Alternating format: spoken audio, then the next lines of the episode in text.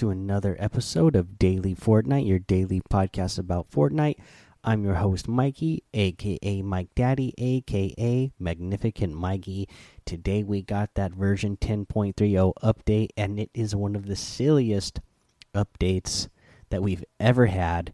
There's one part of the silliness that I really love, and one part of the silliness that I am not loving very much at all.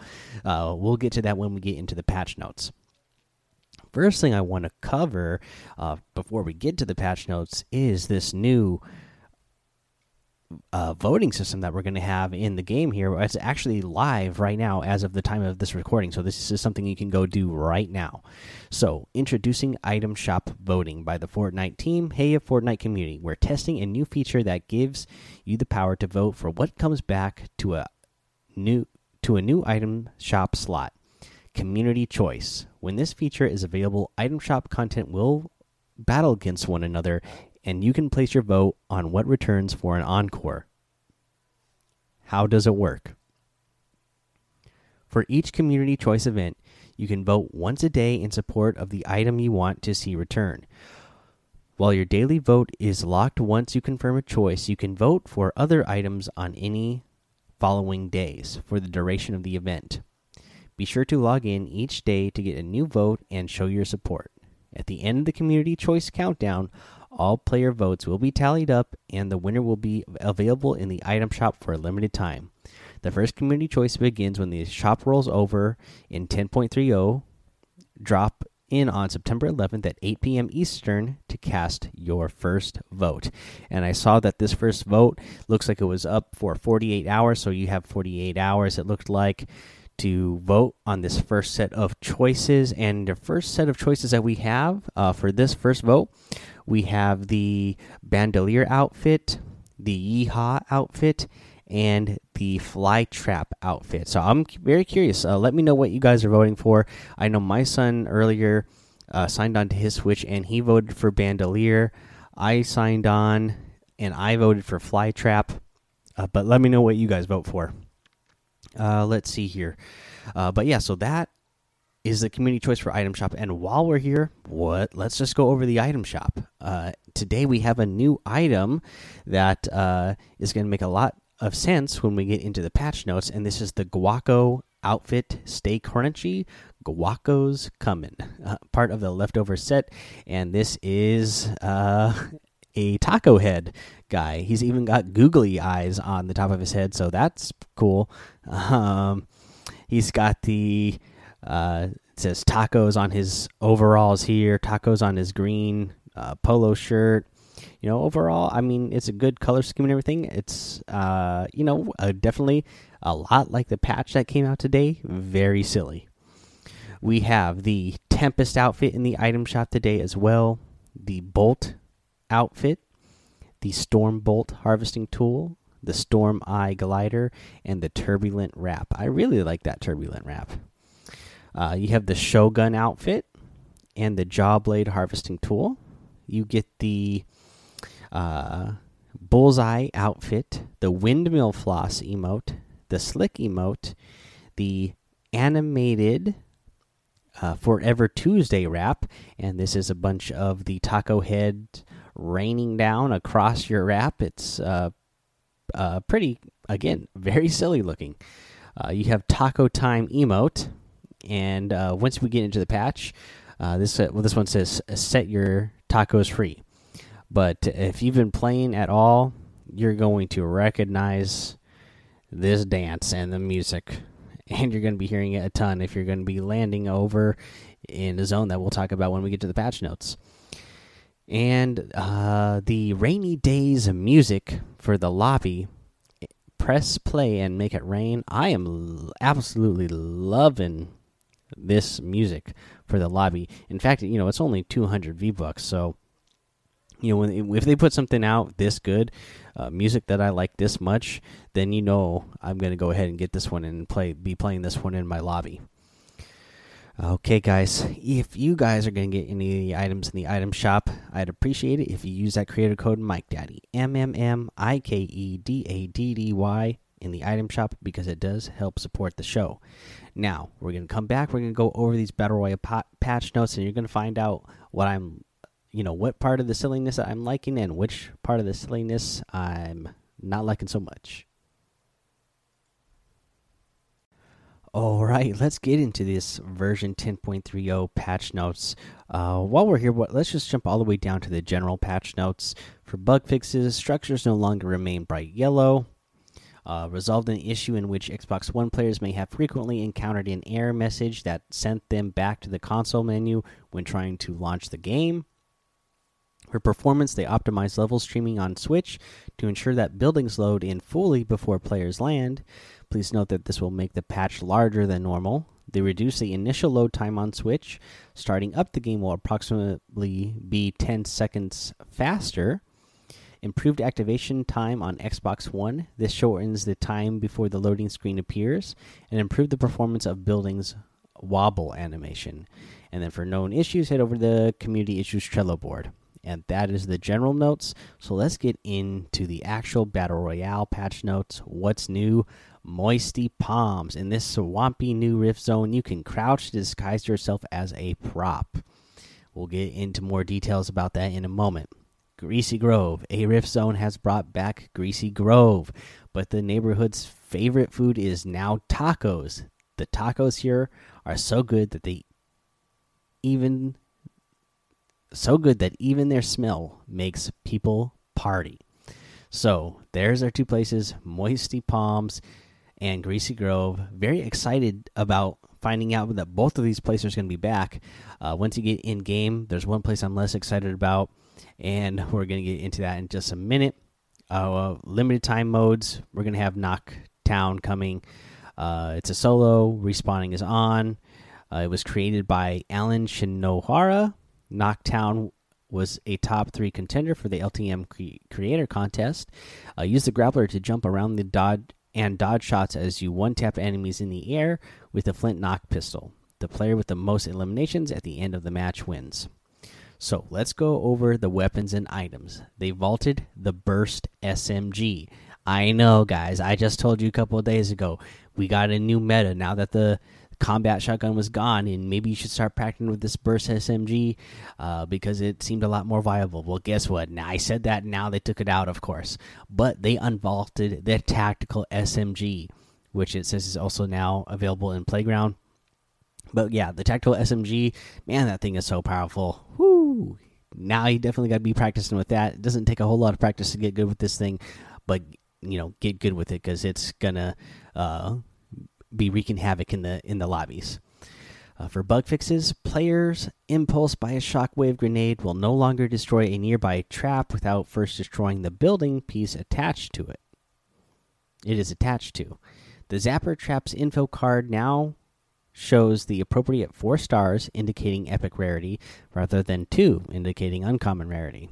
They resolve an issue in which the Zapper Trap would not build properly when thrown on slopes or uneven terrain. Brutes will now be launched away if they touch the floating island's cube. The Brute Stomp attack now deal consistent damage to other vehicles. Previously, they would deal either double or triple damage to other vehicles. The color of the Brute's cooldown meter now updates properly to correspond with the cooldown value. So here's gameplay. First up in the notes is the part I am having a lot of fun with. This is Moisty Palms. The reef, the reef, the Rift Beacon at Paradise Palms has created this new POI. In addition to its swampy nature, this Rift Zone is known for being a good place to keep a low profile. While in the Rift Zone, crouching will disguise a player's will disguise players as a random prop. They can exit the prop state by using the primary fire button. Players are still able to take advantage while in prop form.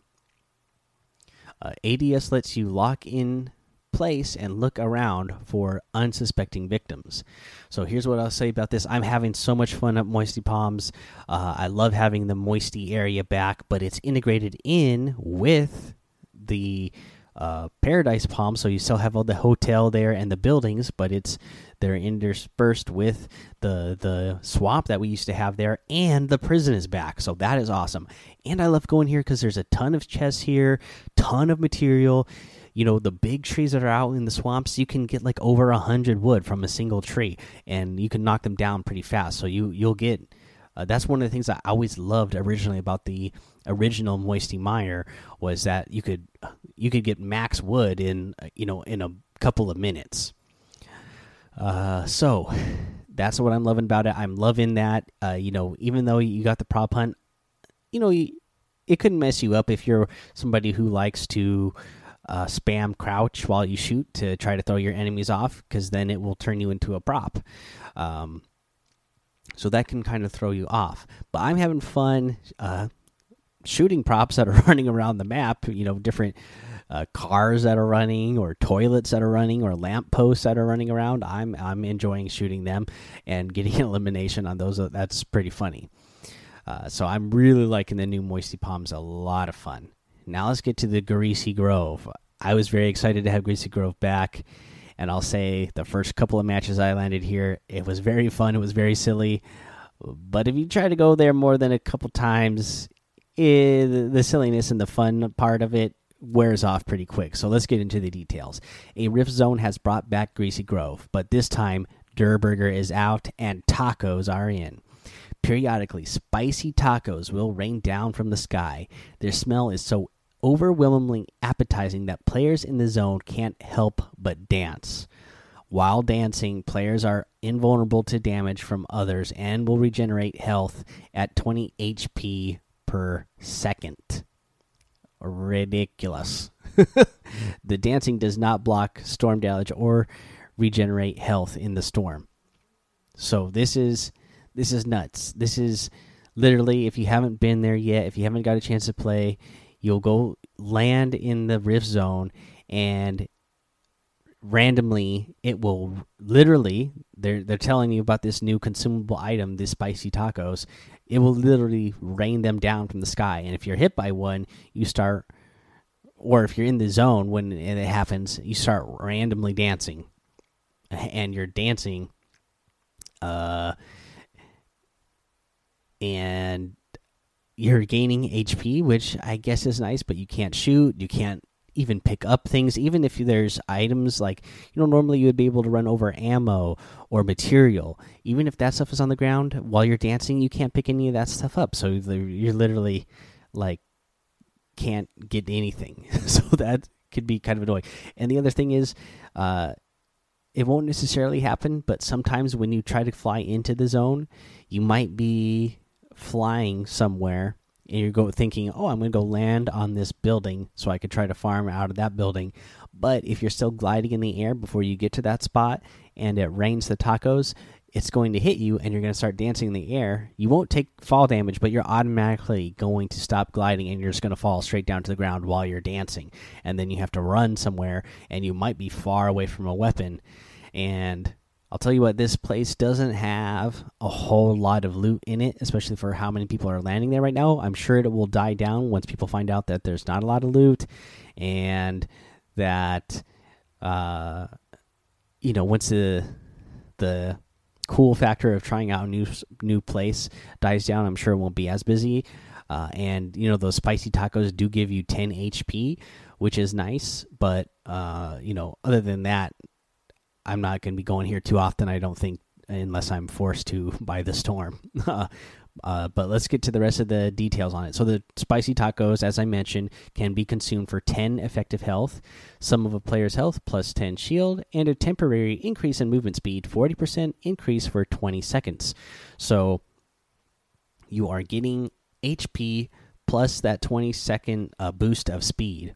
Yeah, so that's really cool. So I actually really like the the consumables of the tacos is really cool. The spicy tacos don't last long. Grab them before they expire. Uh, community choice. So we this was the, what we talked about. Uh, we already read the blog there for voting for items for bug fixes. Uh, the POIs no longer load at different distances depending on angle of approach. They resolved an issue in which players would enter edit mode for a building piece that their their reticle was not on. Reviving a squad mate no longer causes the reviver to get disconnected. Uh, for playground bug fixes, they resolved an issue in which players were able to damage each other in the playground hub. Performance, they improved the performance of the shield bubble collisions. For art and animation, when players' characters are near a wall, they will lower their weapon while in their idle pose. This is to reduce instances which the hands of players' characters appear through walls. For bug fixes, they changed the lace color of the Jets 2019 and 2020 NFL outfit from white to green to accurately match the real uniforms.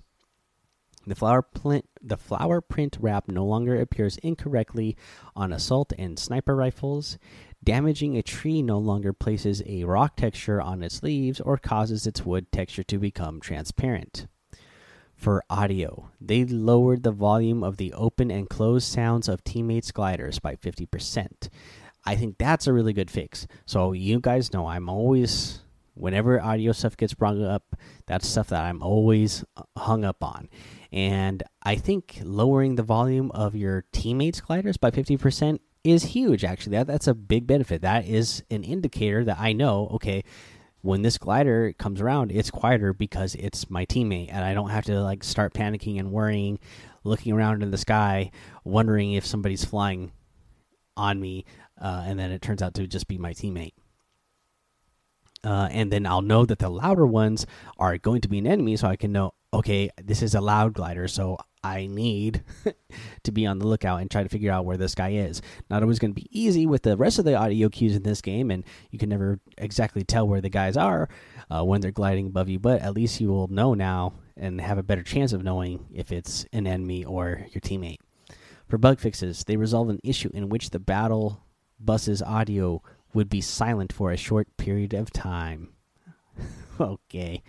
Uh, UI bug fixes. Sending feedback during a replay no longer causes players to get stuck in the player reporting or feedback menu. Eliminating another player using a junk rift Triceratops will now indicate that they were sent to the Cretaceous period in the elimination feed. Previously, the elimination feed would say that they were sent to the Jurassic period, but Triceratops only existed during the Cretaceous period. We apologize for this Tyrannosaurus wreck of an oversight. Guys, I'm not kidding you. the last two pieces that I just read to you, that's literally the patch notes, okay?